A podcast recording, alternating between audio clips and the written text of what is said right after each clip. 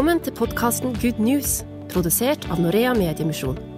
Her vil vi snakke om hvordan vi som kristne kan nå mennesker fra unådde folkegrupper som bor her i Norge, med evangeliet. Vi ønsker både å utfordre, inspirere og utruste deg som lytter, til å være et kristent vitne i møte med våre nye landsmenn. Vi skal i en ny serie her i Good News-podden dypdykke litt i grunnene til at muslimer konverterer til kristen tro, og hvilke utfordringer de møter. Vi kommer også til å diskutere litt ulike begreper som blir brukt, både om muslimer og om kristne, og kanskje blir du både litt utfordra og litt eh, provosert i de neste programmene her på, i podkasten vår.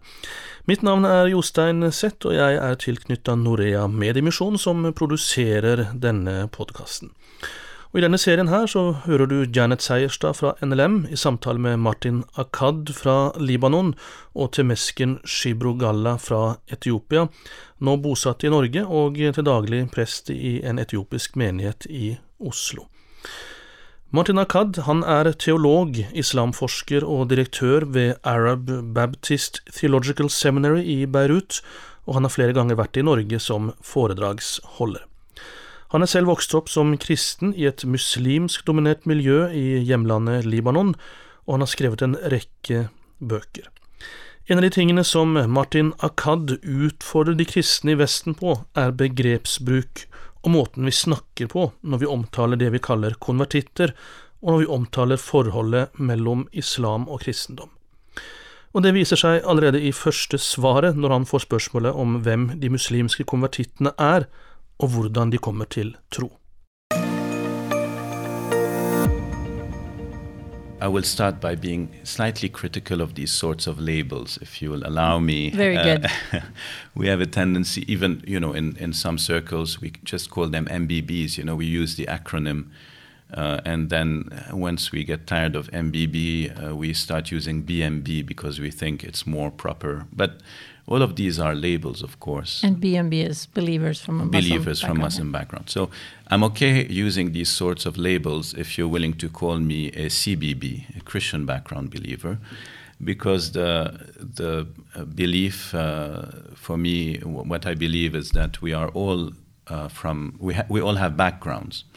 Uh, and uh, if we are uh, part of the community of faith uh, that follows the teaching of Jesus and uh, his lifestyle, then we are disciples of Jesus. So we are all disciples of Jesus from various backgrounds. I happen to be a, a, a disciple of Jesus from a Christian background. Uh, my cultural and social identity is Christian from Lebanon. Uh, but I had to decide one day to become a disciple of Jesus and a follower. And so that applies to everybody, including my own children. One day they will have to make that decision. I don't decide for them, and it's not because they come from that pedigree that uh, they automatically become disciples. So, having established that, uh, when, uh, when a Muslim uh, comes to faith uh, and to discipleship or followership of Jesus. Um, historically, uh, things have been often quite difficult. Uh, now, most Muslims will say we love Jesus and we uh, believe in Jesus and we are followers of Jesus, or they would use the Quranic name Isa, and uh, and that's actually a positive thing. Um, but uh, they believe in or they are followers of the uh, the Jesus as he is portrayed or described or uh, um, yeah in in the Quran in the text of the Quran. And uh, I wouldn't say it's uh, it's uh, a false Jesus. I would say uh, it's a particular Jesus that develops in the Quran whose primary role is to in some ways uh, negate some of the things that Christians have said about him. And so, in some ways, he is a polemical Jesus. He is a, uh, uh, a, a, Jesus with a rhetorical edge or with, uh, with uh, an axe to grind. And uh, so, he, the Jesus of the Quran is definitely a foundation we need to build on, but we also have to be aware of the different understandings that are there. So when uh, when a Muslim decides to uh, uh, become a disciple of Jesus after understanding who Jesus is in the gospel uh, and uh, what Jesus represents in terms of uh, a, a way to God as Father, Jesus as God's invitation into relationship with Him, when they uh, decide to follow that Jesus, it can begin to cause problems in their community. Now, if, uh, if they were able to express their faith in that way, uh, that already things would be much better for them. The problem is that historically, uh, religions have uh, developed a lot of ex- exclusivist attitudes towards each other, and we are comfortable with our in group and uh, defensive of the out group. And uh, so when, when uh, a Muslim uh, uh, understands the implication of, of Jesus, uh, they will often experience that and express it as a conversion out of Islam and into Christianity. And for me, this is the crux of the matter, and it it immediately puts them at this place where uh, they have made a decision in some sort of cosmic battle between two great religions, and they have uh, abandoned one camp and joined another. And so, the equivalent in the Western mindset for uh, conversion of a Muslim to Christianity, and now I'm using those traditional terms on purpose, is we have to understand it more as high treason than about a change in one's personal belief. Because in the Western mindset, when you say, I'm a Christian, you're saying, I have made a personal life uh, choice. I have take I, I have a personal preference for a certain kind of private belief that has implications for me on Sunday morning and in some of my behavior and relationships during the week. But you're not saying that you are, uh, um, you know, you remain a Norwegian if you're a Christian, right? Whereas in the Muslim world, if you become a Christian, you cease to be part of the majority society, culture, population. Uh, I'm not saying that this is what happens in reality, but that's how it is perceived by your former group, your Muslim community, and that is how they will treat you. They will treat you as a traitor. And so the punishment for the traitor in most societies, and we can think of post World War II Europe, they executed them. And in Islam, for 1400 years, the uh, Islamic law has said the, uh, the apostate a word that translates the Arabic word al-murtad, or and that's uh, called the law of the ridda of apostasy. Well, the apostate should be killed. That's what uh, Islamic law says, or jurisprudence. The Quran itself doesn't say uh, any of that. The Quran speaks of the need to, it says there is no compulsion in religion, and the Quran says if you uh, are a Muslim but uh, Islam has been forced upon you, your religion is not acceptable to God because you haven't chosen by your free will. So you cannot be held accountable or either way uh, for that faith. Listening to you now, uh, I, am thinking about many people who would be listening to us and mm-hmm. might have the same question that I'm going to raise. Mm-hmm. Uh, my question is, um, as you said, the way conversion is understood in the Western lens is very different from that of uh, uh in the Muslim world. Mm.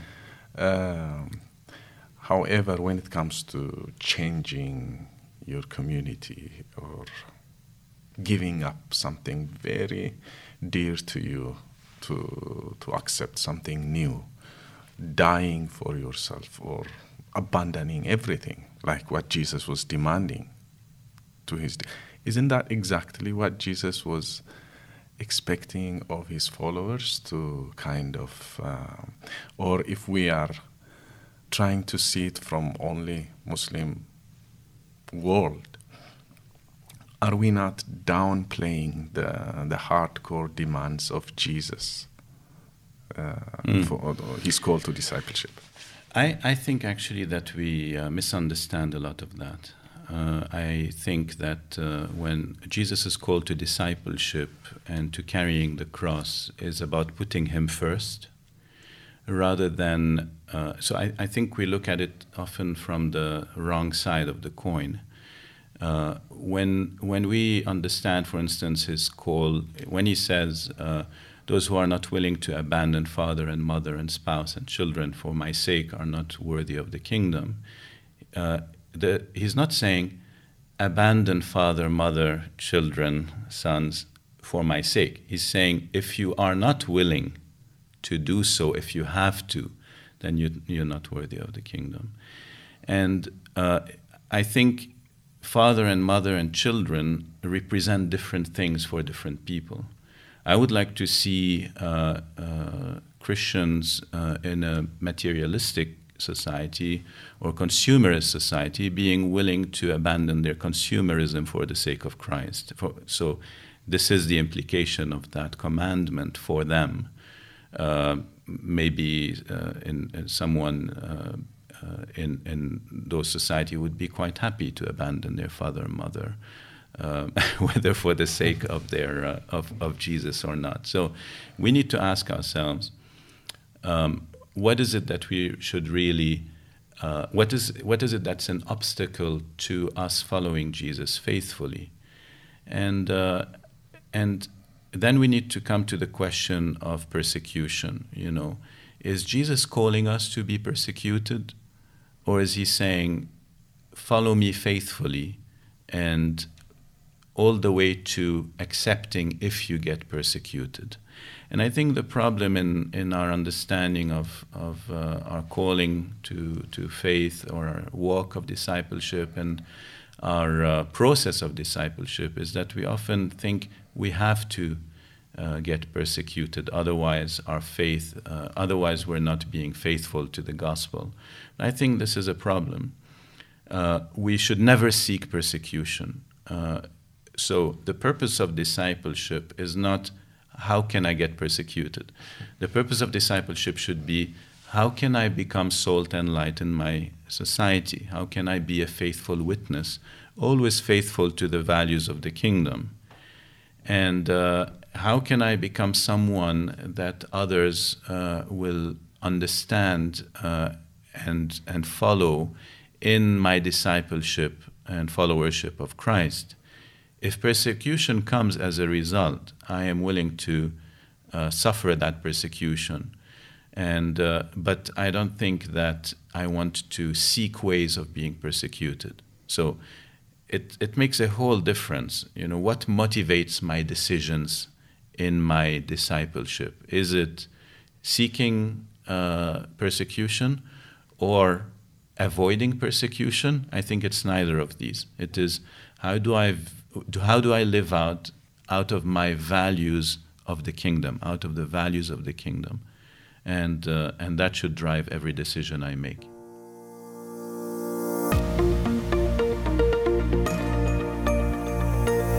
Du lytter til podkasten Good News fra Norea Mediemisjon. How do Muslims come to faith? Um, and what is the most important thing? Is, is it through theology, through Mm. What is it that's mm. most important that we should be realizing? Uh, very simply, uh, like most of us do, like you and I have, like uh, uh Tomaskin did, um, primarily probably through relationships and friendships. Uh, I suspect that there was some, unless you, you were born in a pastor's house like I was, where you feel that uh, you've always been a disciple of Jesus and you have to scratch your head to, under, to, to identify a moment. Uh, but even for someone like me, and uh, uh who have really experienced a very positive experience of God and of, of the Word of God and Scripture throughout my life, you know, never gone through crisis, except when I started studying theology. Um, so, but there were people who impacted me I could even say, to use a more familiar term, some people converted me. Uh, some people, I had aha moments in my life. And these take place through relationships and through friendships. And uh, for Muslims, uh, uh, it is, of course, those who are seeking uh, something more than what they have received, uh, who perhaps are seeking closer relationship with God, who seek more confidence in in the fact that God promises. Um, a blessing both in this in this earth and the next, um, and uh, who then the relationship is primary, and uh, I know that in, in some you know some studies say, for instance, that uh, many Muslims come to faith uh, through dreams or through visions, but uh, as far as I know, it, there's always a human relationship involved as well, and uh, a, a, dream or a vision could be a watershed moment, uh, something that removes a final obstacle. But they, uh, it is the relationship and the experiencing of, of, uh, of Christ in another human being. And that's why it's so important to live according to the values of the kingdom, because God uses us uh, and we are his hand and feet, and we are Jesus for others uh, on earth. So uh, these these are the the I, I am not sure that there are many um, who have uh, come to uh, become becoming disciples of Jesus as a result simply of arguments or uh, becoming convinced after um, after having rational conversations. Now rational conversations are also quite important for some people, but those rational conversations also take place within uh, friendships.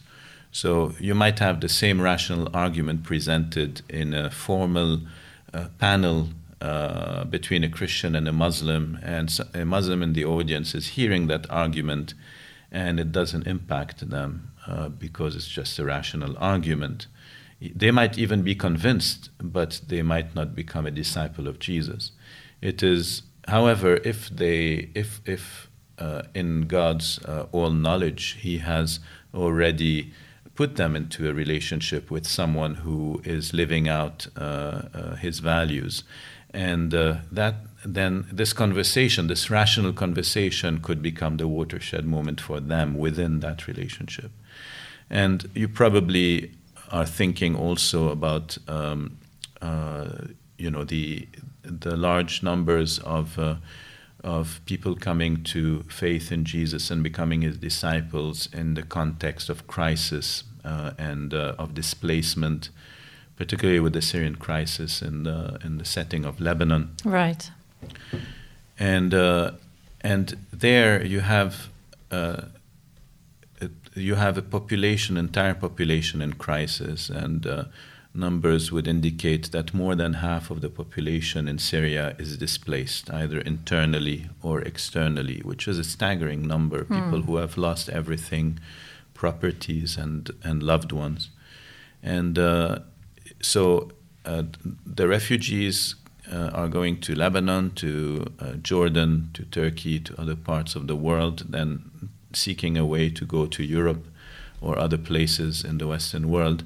And uh, they are, uh, but they are in a state of despair and of deep need. Uh, they are cut off from their community in Syria, and or from their broader community, and from their natural uh, support net. And and they are um, seeking community. They are seeking relationship what has happened is that uh, the churches, or many churches in Lebanon, uh, have uh, their eyes have been opened to the situation of despair, and out of uh, the values of the kingdom, have not have been driven to do something about it. You know, I know for myself as a follower of Jesus, I see someone in need or in despair, and I cannot but do something, or if I don't, I feel guilty. Right.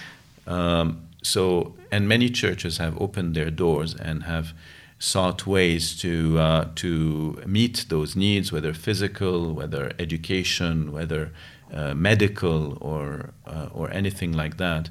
and uh, and that has been extremely attractive to uh, to uh, refugee communities, not only because they have received uh, physical uh, uh, needs or, or sustenance to their needs, although that is a very important aspect, but because they have found community, they have found an embracing community in most of the situations that I'm aware of, and I'm quite connected with some churches who have been active that way, there has been no conditionality on, uh, on uh, uh, offering um, support to the refugee community.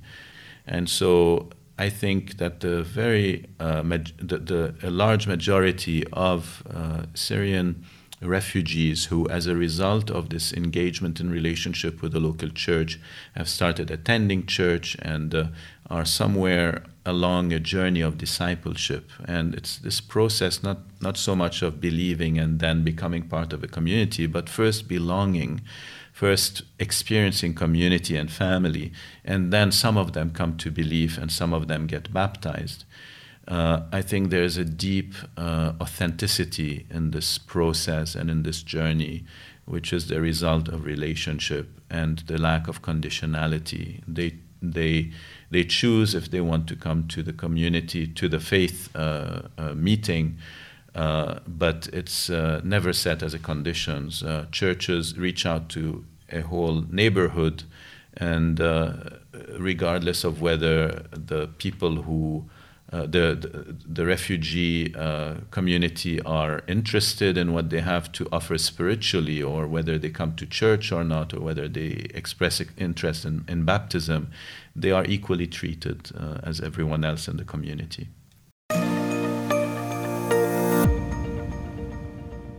Du har lyttet til en samtale mellom teolog og islamforsker Martin Accad fra Libanon, Janet Seierstad fra NLM her i Norge, og Temesken Shibro Galla, prest i en etiopisk menighet i Oslo.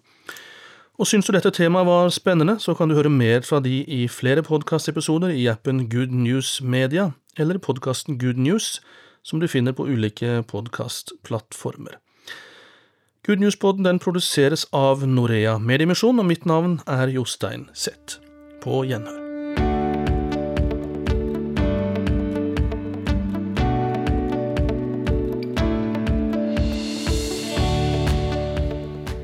Lyttet til podkasten Good News fra Norea Mediemisjon.